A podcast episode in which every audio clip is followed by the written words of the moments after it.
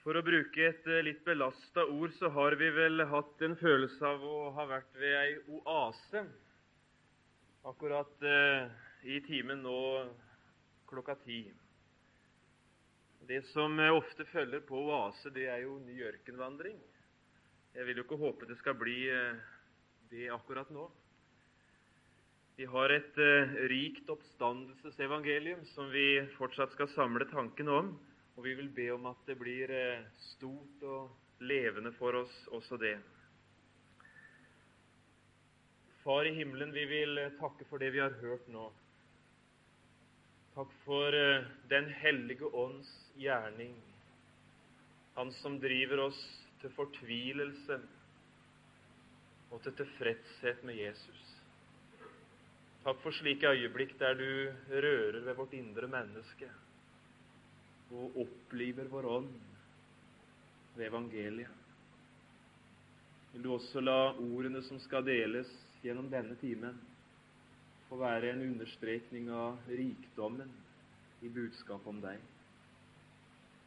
Velsigne den enkelte av oss og gi òg det jeg, jeg det jeg trenger for å tale det rett. Amen. Vi har i de to timene som vi har hatt sammen om Kristi oppstandelse, forsøkt å tale litt om kampen, om oppstandelsesbudskapet aller først. Nettopp fordi det er et så kolossalt betydningsfullt område i Bibelen, står det strid om oppstandelsens både faktum og budskap så har vi også sett litt på hvor godt bevitnet i Bibelen Kristi oppstandelse nå en gang er. For den som er åpen og mottagelig for sannheten, skulle det faktum at Kristus er oppstanden, ikke trenge flere bekreftelser enn det Bibelen gir. Vi var så vidt litt inne på betydningene eller konsekvensene det ville ha fått om Jesus ikke var oppstanden. Og Det vi nå skal gjøre videre fra denne timen, det er å se litt på hva det nå har fått for betydning at Kristus virkelig er oppstanden. Og Jeg hadde lyst vi bare skulle lese som utgangspunkt de fire første vers i Romerbrevet 1. Der finner vi den første sannheten som vi skal understreke i så måte. Det vil altså dreie seg om betydningen av Kristi oppstandelse, eller konsekvensene av dette at Kristus er oppstått. Romerbrevets første kapittel og de fire første vers. Paulus, Kristi Jesu tjener, kalt til apostel, utkåret til å forkynne Guds evangelium som han forut lovte ved sine profeter i hellige skrifter, om hans sønn, som etter kjødet er kommet av Davids ett, og som etter hellighetsånd er godtgjort å være Guds veldige sønn ved oppstandelsen fra de døde, Jesus Kristus, vår Herre. Hva betydning har det at Jesus er stått opp? Hva konsekvenser legger Bibelen på det budskapet? Graven var tom. Jesus lever. Han som led og døde og begravet. Han har knust dødsmakten og sprengt gravlenkene. Hva betydning har det? Hva konsekvenser får det? Her i Romerbrevets første kapittel finner vi den første konsekvens av dette at Kristus er oppstått. Det må enkelt bety at Jesus var den han sa seg å være. Jesus var den han sa seg, den han ga seg ut for å være. Da Jesus gikk omkring i denne verden, så gjorde han en hel del ting som ikke var det minste vanlig. Han talte på en måte som gjorde at folk var slått av forundring. Aldri har noen talt som denne mann. Han utførte velgjerninger, lekte sjukdom, trøsta i sorg, stilnet savn, på en måte som ga mennesker et uutslettelig inntrykk. De hadde møtt en som var ganske annerledes enn alle. Jesus sto fram med makt over naturkrefter, med makt over onde ånder, ja, endog utviste han sin makt over døden. Hvem var han egentlig? Særlig var det to ting Jesus gjorde som vakte undring og også reaksjon. Han tilga synd. Leser du i Markus evangeliets andre kapittel ifra begynnelsen, så vil du lese om en verkbrudden som blir båret til Jesus av fire menn. Det første Jesus sier direkte til denne verkbruddene, det vakte stor forundring. Sønn, dine synder er deg forlatt. Det gjorde at de som hørte ordene av Jesus, virkelig begynte å spørre hva er det han sier for noe? Tilgir han synd? Vers 7. Hvorfor taler denne mann så? Han spotter Gud. Hvem kan forlate synder uten én? Det er Gud. Hva er lettest, sier Jesus? Enten å si 'dine synder er deg forlatt', eller å si 'stå opp, ta din seng og gå'. Men for at dere skal vite at menneskesønnen har makt til å forlate synder, så sier han til den verkbrudne, stå opp, ta din seng og gå. Med det så sier Jesus like ut, jeg er Gud. Jeg er sann Gud. Jeg er ett med Gud. Jeg har den samme rett og autoritet som Gud.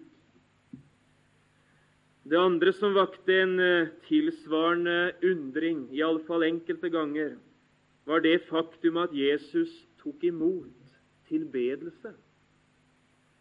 I møte med djevelens krav om tilbedelse i Matteus 4 så svarer Jesus med Skriften Herren din Gud skal du tilbe, og Han alene skal du tjene. Men selv tok den samme Jesus imot tilbedelse. Igjen gir han uttrykk for 'Jeg er Gud', ett med den levende Gud. Jeg har den samme autoritet og makt og rett som min far i himmelen. Jesus ga seg ut for å være Gud og underslo aldri at han kalte seg Guds sønn. Jo, det ble omstridt. Særlig den dagen Jesus døde, så gikk de til felts mot han fordi de syntes det lignet så kolossalt lite på det guddommelige, det de så i Kristi kors. Hvis du ser i Matteus 27, så møter eh, den anklagen Jesus på flere måter. I Matteus 27, 39 De som gikk forbi, spottet ham og rystet på hodet og sa:" Du som bryter ned tempelet og bygger det opp igjen på tre dager, frels deg selv. Er du Guds sønn, da stig ned av korset.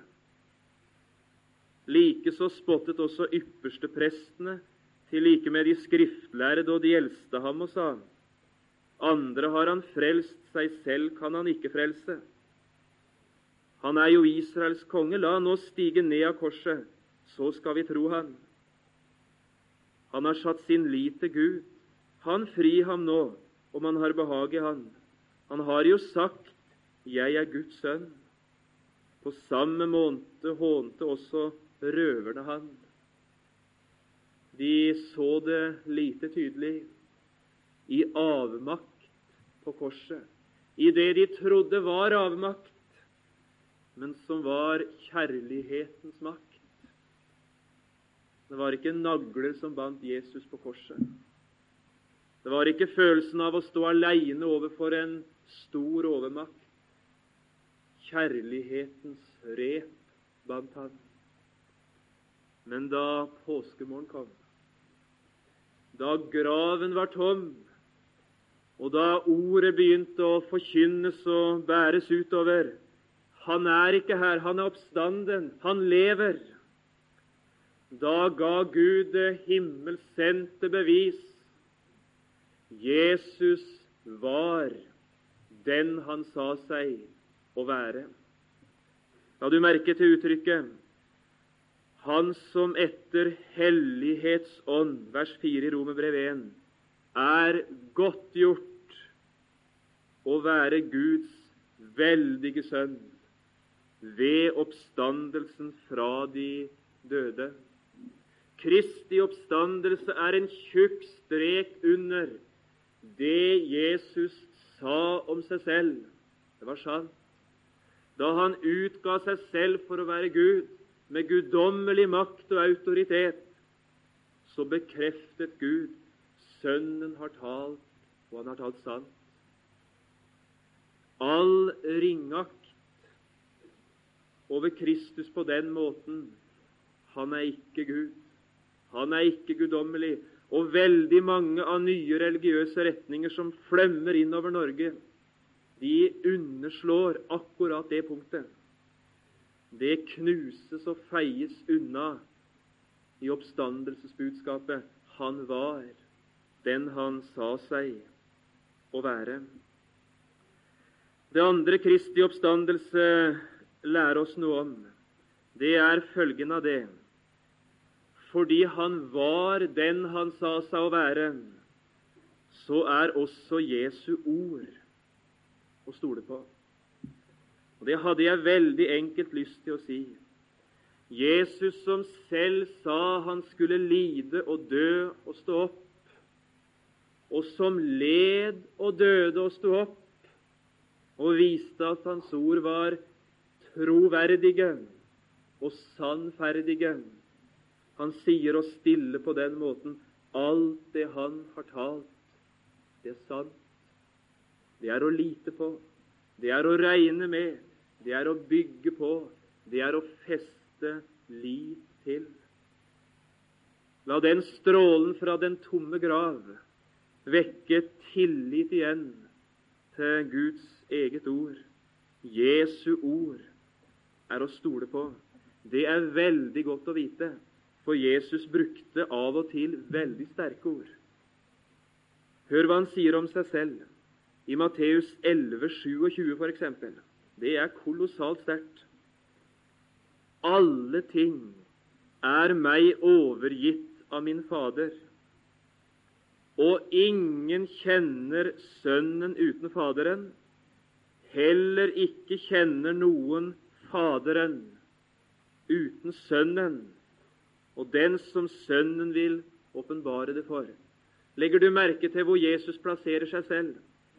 Han plasserer seg selv som den eneste muligheten til et sant kjennskap til Gud. Han plasserer seg som den eneste nøkkelperson som fins, som kan åpne veien til samfunn og kjennskap til den levende Gud for oss.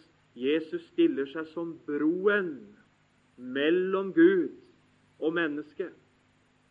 Det er umulig og si du vil ha Gud, og så slå vrak på Jesus. Ingen kjenner Faderen uten Sønnen, og den som Sønnen vil åpenbare det for.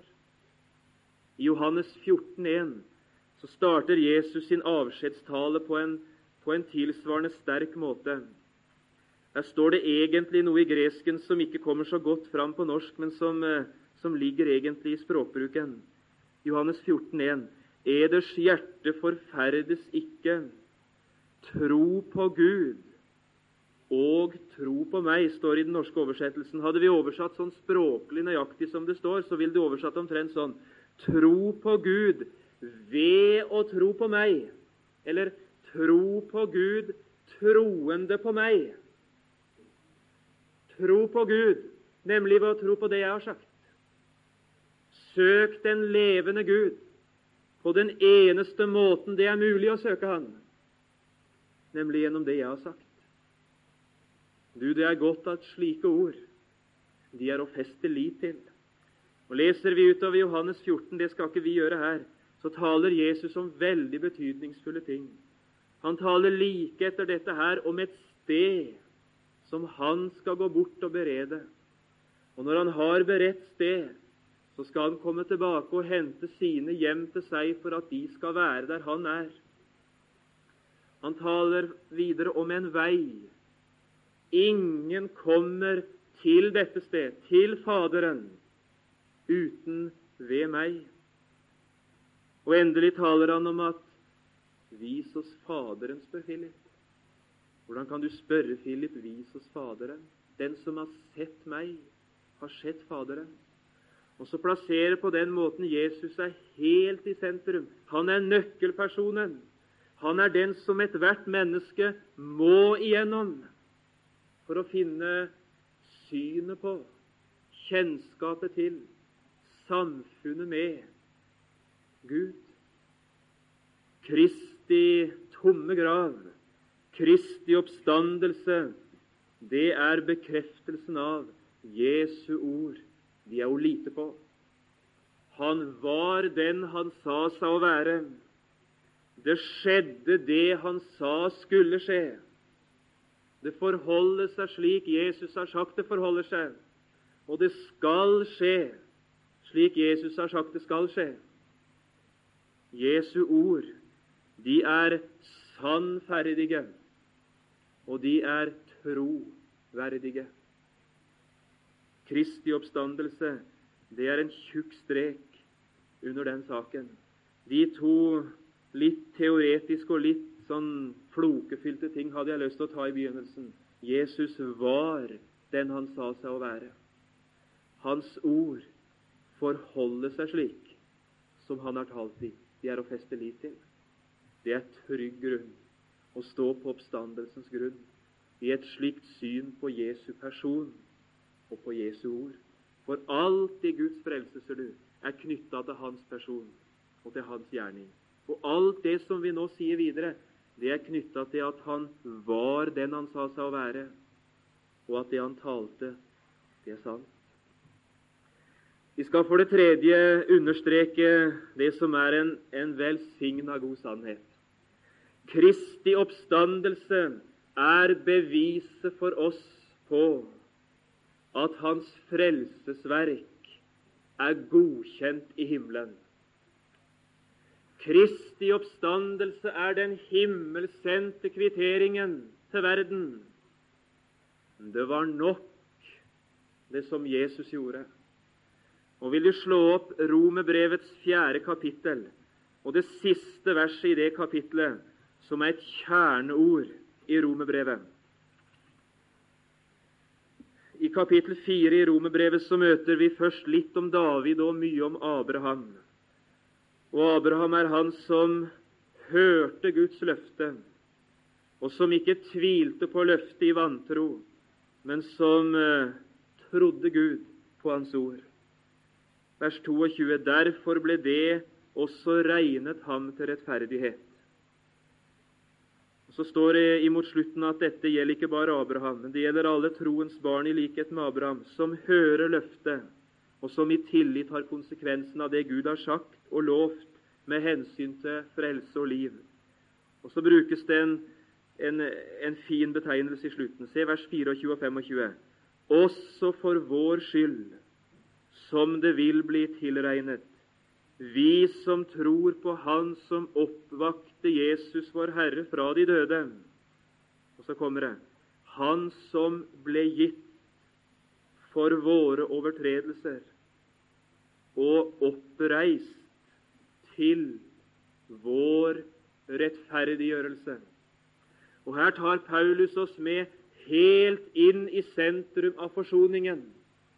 Og så knytter han Kristi oppstandelse til forsoningen og sier Kristi oppstandelse er det som nå gjør forsoningsverket til det Gud hadde tenkt i våre liv. Jesus, hans gjerning, det er hovedgjerningen i frelsens, i forsoningens sammenheng. Han ble gitt for våre overtredelser. Og Dermed sier Paulus stillfarent og enkelt Kristi død er en soningsdød. Det betyr det måtte offer til. Det måtte innskudd til. Det måtte liv gis for å rydde den barrieren av veien som hadde stengt muligheten for synderen å finne samfunn med Gud. Uten blod blir utgitt, skjer ikke forlatelse for synd. Men Jesus, han blir gitt for våre overtredelser. Soning betegner altså forholdet mellom Gud og synden. Det er synden som må sones. Og hensikten med soningen, det er forsoningen. Forsoning betegner forholdet mellom Gud, ikke og synden, men Gud og synderen. Fordi Gud i soning tar et skikkelig oppgjør med synden, så gjør han forsoning med synderen til en mulighet. Jesus ble gitt for våre overtredelser. Selv sa han det. Menneskesønnen er kommet, ikke for å la seg tjene, men for selv å tjene og gi sitt liv som løsepenge for mange. Og så kunne vi spørre den prisen som måtte betales, og den prisen som han virkelig betalte, svarer de overens. Var Jesus i stand til å betale alt det som måtte betales for å rydde syndens barriere av veien? Var løsepengen tilstrekkelig stor? Ja, Det skal vi ikke være mye i tvil om. Men her står altså den eneste i denne verden som hadde mulighet å betale en slik pris. I Salme 49 så tegnes det et, fortvilt perspektiv. I vers 8. Du kan jo bare notere det hvis du vil. Salme 49, 8. En mann kan ikke utløse en bror. Han kan ikke gi Gud løsepenger for han. For deres livs utløsing er for dyr. Han må avstå derfra til evig tid. Han blir ikke ved å leve evinnelig. Han får se graven.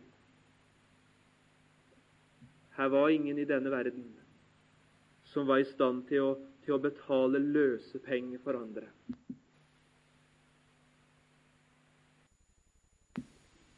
Og Så er spørsmålet var Jesus i stand. Den løsepenge han ga, var den tilstrekkelig stor? Var summene tilstrekkelig som han skøyt inn i dette fortvilte underskuddsregnskapet som heter syndens oppgjør? Var det, var det tilstrekkelig? Ja, det var nok det som Jesus gjorde. Og I den sammenhengen så har vi både en himmelsk bekreftelse og en jordisk bekreftelse. Det var nok det som Jesus gjorde. Og La meg bare peke enkelt på den himmelske bekreftelsen, eller det himmelske beviset, aller først. Hvis du går til Hebreerbrevet og kapittel 10, så vil du finne skildringen av en merkelig ypperste prest. Merkelig på den måten han oppførte seg på. Hebreerbrevet 10 og vers 11. Der står det først noe om det vanlige presteskapet i den vanlige jordiske helligdom. Gud hadde innstiftet den, og han oppførte seg som han var pålagt. Dette er altså den gamle pakt. Hver prest står daglig og gjør tjeneste, og bærer mange ganger frem de samme offer, som dog aldri kan bortta synder. Det var mange ting i helligdommen, både i det hellige og i det aller helligste, men der var ingen stol. Hver prest står daglig. Hvorfor sto han? Hvorfor hadde han i helligdommen aldri anledning å sitte? Jo, en enkel, synlig bekreftelse på at hans gjerning i den helligdom aldri ble fullført. Det han gjorde én dag, det måtte han gjøre om igjen neste dag. Det en ypperste prest gjorde én forsoningsdag, det måtte de gjøre om igjen neste år. Det en prest gjorde så lenge han levde og hadde tjeneste, det måtte neste prest overta når han overtok tjenesten. Og så kommer en, en flott kontrast, vers 12. Men han Han har frembåret ett offer for synder. En eneste gang og ett offer. Og har deretter for alltid satt seg ved Guds høyre hånd. I helligdommen, i den himmelske helligdom, for Guds ansikt, sitter vår ypperste prest som et himmelsk bevis på hans gjerning med hensyn til soning av synd. Den er fullført. Han satte seg, ikke midlertidig, men for all tid. Og det er med hensyn til soning. En sittende ypperste prest i himmelen bekrefter for oss hans gjerning den var tilstrekkelig da han en gang for alle ga sitt liv. Og så har vi denne jordiske, himmelsendte kvittering som ligger i en hage. Vi nevnte steinen ved Kristi grav. Den ble ikke veltet fra for å slippe Jesus ut. Det kan du være trygg for. Han forserte dører og steiner av det som skulle forseres, med sitt åndelige, herliggjorte legeme. Men det sto tre håpløse kvinner på utsida som hadde sett korset, som hadde vært på Golgata, som hadde hørt fullbrakt ropet, men som ikke hadde fattet og forstått betydningen og rekkevidden. Nå kommer de til graven idet solen går opp, idet den nye dagen rinner. Og fordi Guds eget sendebud ryddet steinhindringen av veien, fikk de se inn i noe som skulle snu hele saken. Lovet være Gud og vår Herre Jesu Kristi Fader, han som etter sin store miskunn har gjenfødt oss til et levende håp ved Jesu Kristi oppstandelse fra de døde. 1. Peter 1,3. Og det levende håp som verken var tomt eller falskt eller sviktende, men levende og sikkert og sterkt, det er forankra i en tom grav en grav som forteller han som gikk inn i nærkamp med Satan, med døden, med synden og med alt så etter fiender av Gud og, og mennesker. Han beseiret de alle sammen. Og da de var beseiret, så står han opp i kraft og i herlighet. Den tomme grav hvisker til deg og meg. Det var tilstrekkelig, det Jesus betalte. Det var nok, det Jesus gjorde. Å, men jeg skulle ønske du og jeg kunne oppleve den stille morgenstund, en og annen strålende fra denne nye soloppgang, som kunne kaste det fine lyset, ikke bare over graven, men også over det kors som er knyttet til graven. Det var nok, det som Jesus gjorde. Kristi oppstandelse, det er Guds godkjennelse av Jesu forsoningsverk. det er ropet til oss møt Gud i hva Jesus har gjort. Det er derfor Romerbrevet 4 bruker akkurat det uttrykket. Han som ble gitt for våre overtredelser og oppreist til, med tanke på, med, med den hensikt til vår rettferdiggjørelse. Hva er rettferdiggjørelse i bibelsk språkbruk? Ja, da skal vi gå til rettssalen. I, I vanlig romersk rettspraksis så bruktes dette ordet 'rettferdiggjort' på en helt bestemt måte. Saken hadde vært reist for domstolen. Aktor hadde talt. Forsvarsadvokaten hadde talt. Saken var belyst, vitnene satt der, dommeren var plassert fra setet. Hele prosedyren, hele saken, var ført så langt at det en nå ventet på i rettssalen, det var hva utgang får nå denne saken. Den anklagede, blir han dømt, eller blir han frikjent? Så reiser dommeren seg, og så reiser de seg alle i salen. Og så lyder i rettssalen 'frikjent', og det går et lettelsens sukk over den anklagde. Han er reinvaska fra beskyldningene. Alt han var anklagt for, som trua han med straff og fengsel og kanskje dom og død, det har i dette øyeblikk mista sin kraft og kan aldri skade han. Han er frikjent fra det. Han er reinvaska. Det at en anklagt for dommen reinvaskes fra alle beskyldninger, kaller Bibelen rett rettferdiggjørelse. Og når det står at Jesus han ble oppreist til vår rettferdiggjørelse, så betyr det noe aldeles voldsomt. Det betyr jeg skal få, jeg skal få gå fram for den levende Gud. Jeg skal få legge hele mitt liv, min frelsesak, min fortid, alt i lyset for Han. Jeg skal få legge det på hans bord som er min forsvarsadvokat ved skranken, Kristus, og skal ha tillit til at Han som sonte min synd, skal sørge for at ingen av all verdens anklager med hensyn på min synd og mitt liv skal kunne volde meg noen dom og noen død.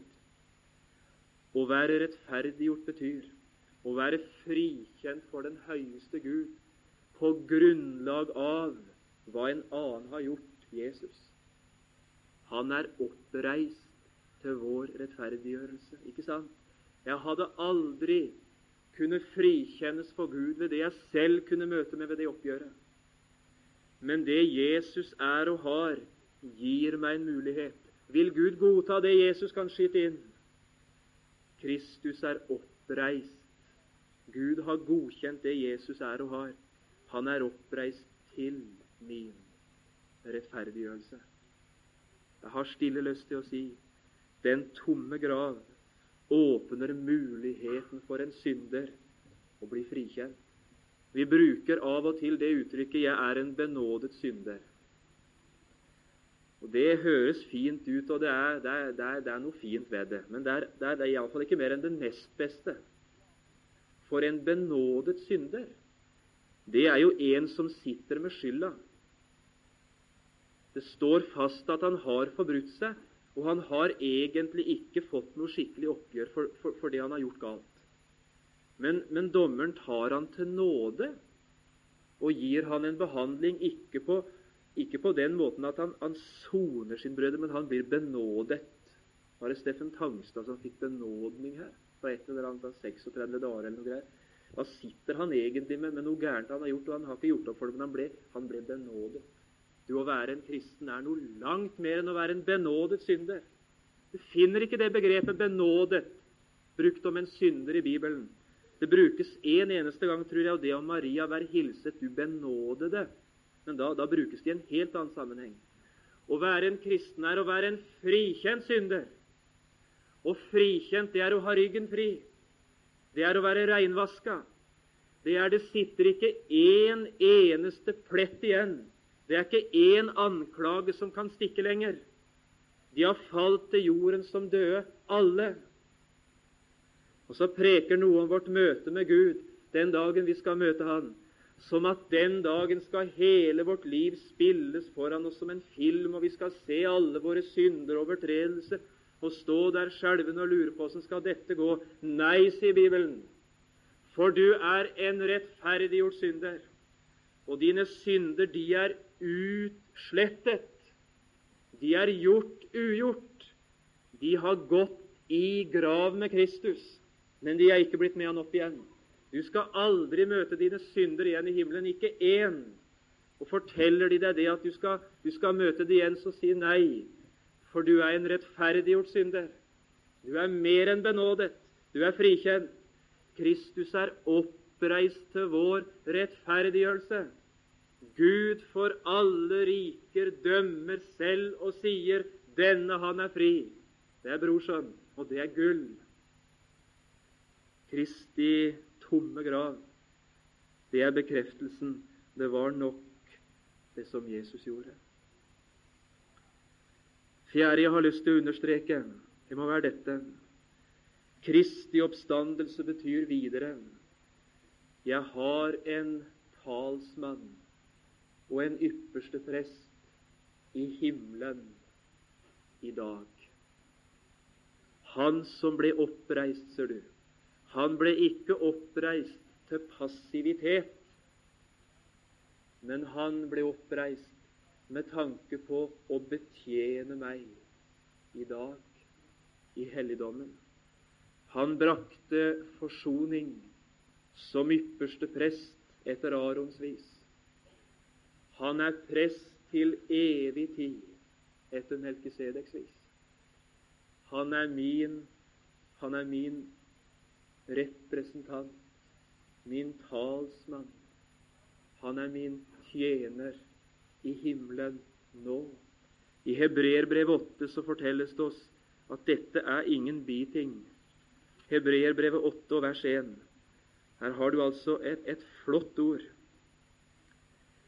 men en hovedsak, ikke en bagatell, ikke en biting, ikke en sannhet for spesielt interesserte. En hovedsak ved det som her sies, er dette kolon. Så kommer saken. Vi har en sådan ypperste prest som satte seg og Det har vi understreka hva det betyr. Ved høyre side av majestetens trone i himlene så kommer det med prestelig tjeneste i helligdommen, det sanne tabernakel, som Herren har reist, og ikke et menneske. Og Men her er det altså et og annet som er så flott. Jesus som ble oppreist til vår rettferdiggjørelse. Han betjener oss uavlatelig for Faderens ansikt. Han tjener oss i helligdommen. Hvis du vil notere et par sånne avsnitt bare hvor, hvor, vi, hvor vi, ser disse tingene sammenstilt, så kan du notere det avsnittet i slutten av Hebrebrevet 9. Hebrebrevet 9, 24-28. Trenger gjerne ikke slå opp det, men Der møter vi tre forskjellige sammenhenger hvor ordet 'åpenbaret' er brukt. Det står for det første at han er åpenbaret ved tidenes ende for å bortta synden ved sitt offer. Det er fortid. Det har skjedd. Det var da Jesus kom.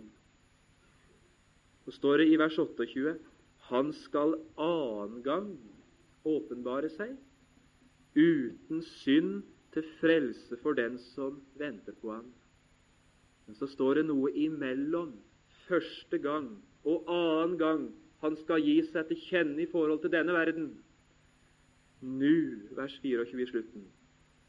Han gikk inn i selve himmelen for nu å åpenbares for Guds åsyn for vår skyld. Jesus betjener oss i himmelen i dag. Han utfører prestelig tjeneste i Guds nærhet for deg som er en troende. Og det er en hovedsak. Det er så fint i begynnelsen av Johannes-evangeliet å lese om dagene. Har du lagt merke til det? Det står om en dag da Johannes står fram, og så peker han Se der, Guds land, som bærer verdens synd. Og så står det i begynnelsen av kapittel to den tredje dag var det et bryllup i Kana i Galilea. Men så står det om en dag imellom. Imellom dagen da han, Guds land, bærer bort verdens synd, og dagen da han deltok i bryllup. Det står om en dag imellom der Johannes peker og sier Se der, Guds land. Punktum. Se der, Guds land. Du, jeg har lyst til å si du har en talsmann i himmelen, Jesus. Og hør nå 1. Johannes 1, unnskyld, 1. Johannes 2, 1 sier noe om hva han gjør som din talsmann. Mine barn, dette skriver jeg til dere for at dere ikke skal synde. Det betyr enkelt og greit at du som er en kristen, har kommet i et helt annet forhold til din synd som en kristen i forhold til det du var før. Før kunne du leve i synd. Det kan du ikke lenger nå. Du kan falle i synd, men du kan ikke lenger leve i den.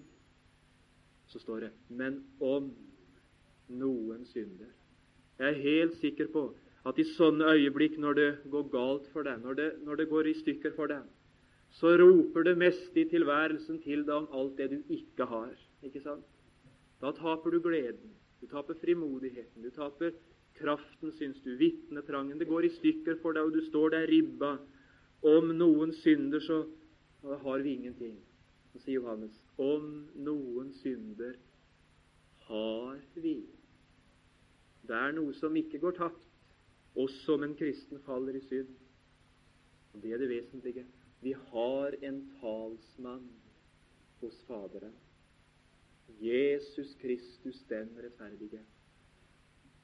Når, når en kristen går til Jesus i lyset, enkelt og åpent, er i lyset, taler med han om sitt liv, ikke gjemmer det vekk og skjuler seg og unndrar seg, så er en kristen i et vidunderlig lys.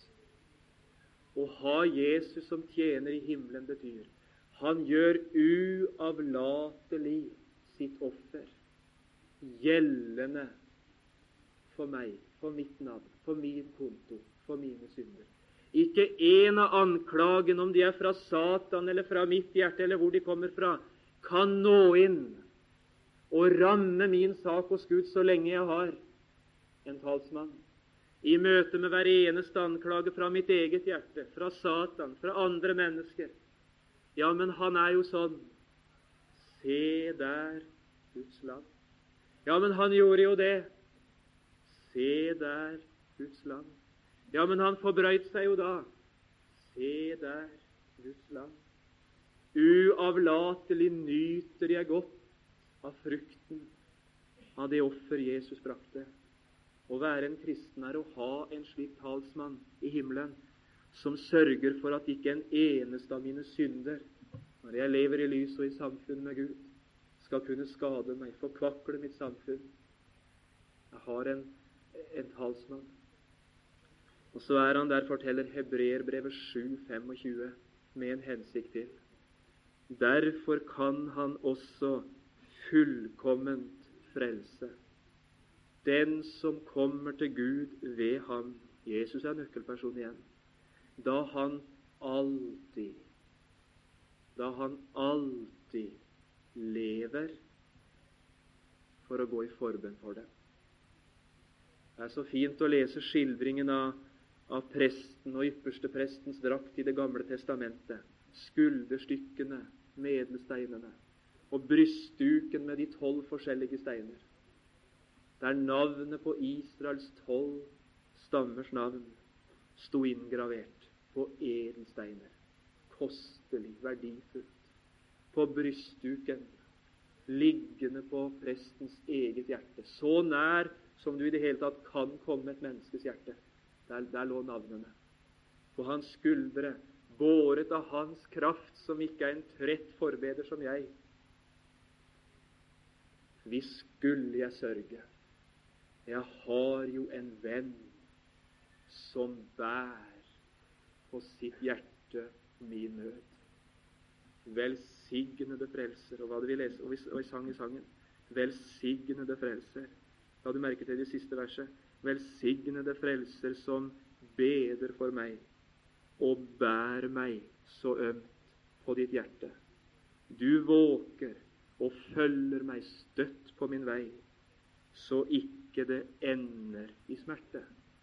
Jo, det kan bli smerte, men det ender ikke i smerte. Jeg har en venn for hvem jeg er en hjertesak. Å, men velsigna sannhet, han som er oppreist. Han lever for Faderens ansikt for min skyld.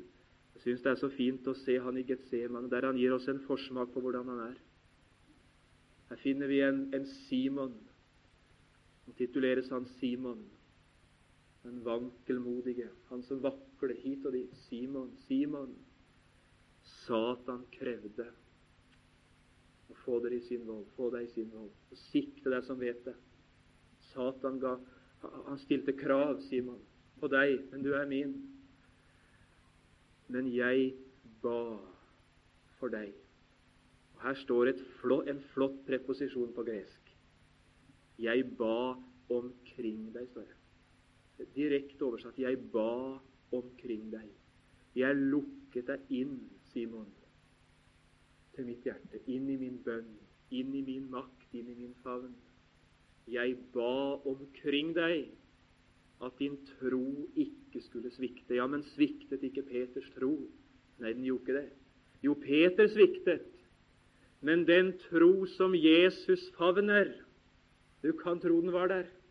Det var derfor han gråt så bittert, fordi det var ikke mulig, trodde Peter, å favne han mer. Det var derfor han i fryd står fram på pinsedag etter et nytt møte med Han som troen favner. Det er enkelte øyeblikk i en kristens liv vi aldri taler med mennesker om. De hører ikke hjemme på et vitnemøte. Noen har undret seg på hvorfor Peter aldri forteller om da han møtte Jesus alene.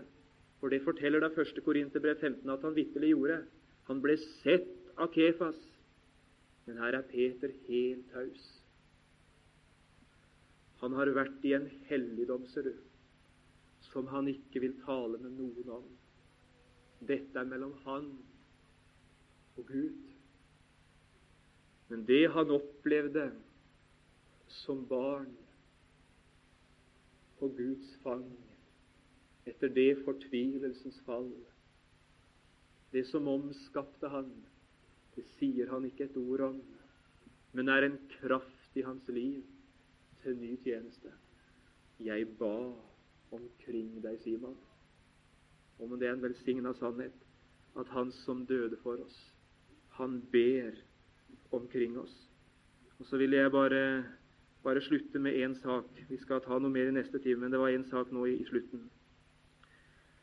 At Kristus er oppstanden fra de døde, innebærer for det femte jeg har fått adgang til barnerett hos Gud. Jesus møtte ikke få mennesker etter sin oppstandelse. Og Leser vi 1. Korinterbrevs 15. kapittel, så ser vi skildringen av det må være bortimot 600 mennesker sammen. Men de har ett fellestrekk.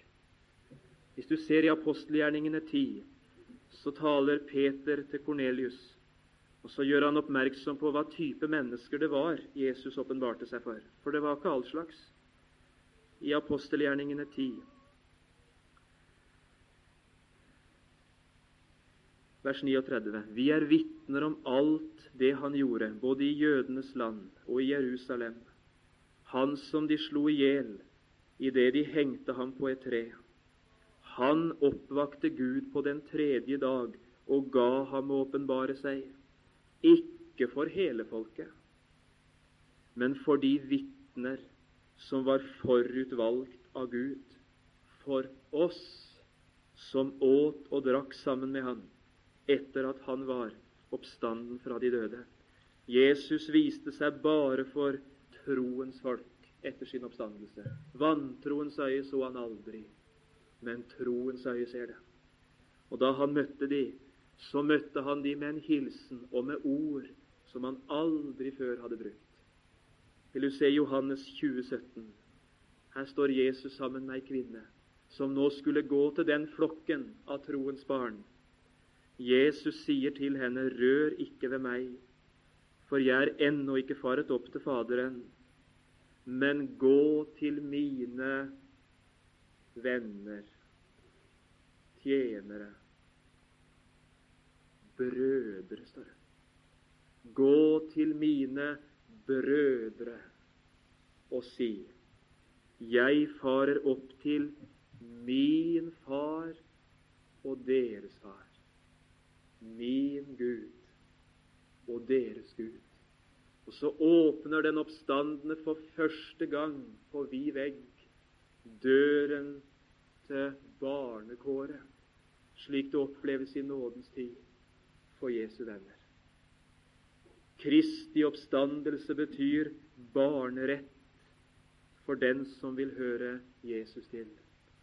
Og Hebrebrevet 2 sier han skammer seg ikke ved å kalle dem brødre.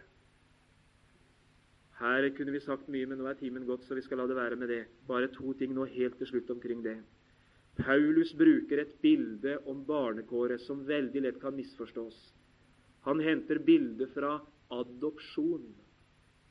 Og Det har vakt en del veldig vonde følelser når en har hørt om for en del tenker ja, men er vi ikke ektefødte Guds barn? Er vi ikke gjenfødte, ektefødte Guds barn? Jo visst er vi det. Men Paulus i Romerbrevet bruker en illustrasjon fra sin samtid om en adopsjonspraksis som, som kunne være altså glitrende fin for å forklare overgangen fra hva vi var som treller eller som, som mennesker utenfor, i forhold til det vi nå er kommet inn i. Vi har fått sønnekår. Det betyr vi har skiftet status. Det vi av naturen ikke var født til og hadde rett på, det har det skjedd en omveltning med hensyn på, og jeg er satt inn i en helt ny situasjon. Jeg har fått del i de rettigheter som den enbårne sønn har. Gud har gitt meg sønnekår. Og jeg sier igjen, det betyr ikke at en kristen er et adoptert Guds barn. Men her er illustrasjonen denne. Alle de rettigheter som Jesus har, som jeg av min naturlige avstamning ikke hadde, de har jeg ved Kristi død og oppstandelse fått adgang til. Jeg kan gå for tronen, sånn som Jesus kan. Jeg kan krype som et av Guds småbarn opp på Guds fang og komme like nær som Jesus. Jeg har løfter om at hans arv, det er min arv. Jeg har løfter om at det er ingen hensynsforskjell mellom Gud og Jesus og Gud og meg. Jeg har fått barnekår. Å, hvilket smykke jeg da fra himmelen får. Å, hvilken lykke er dette barnekår. Amen.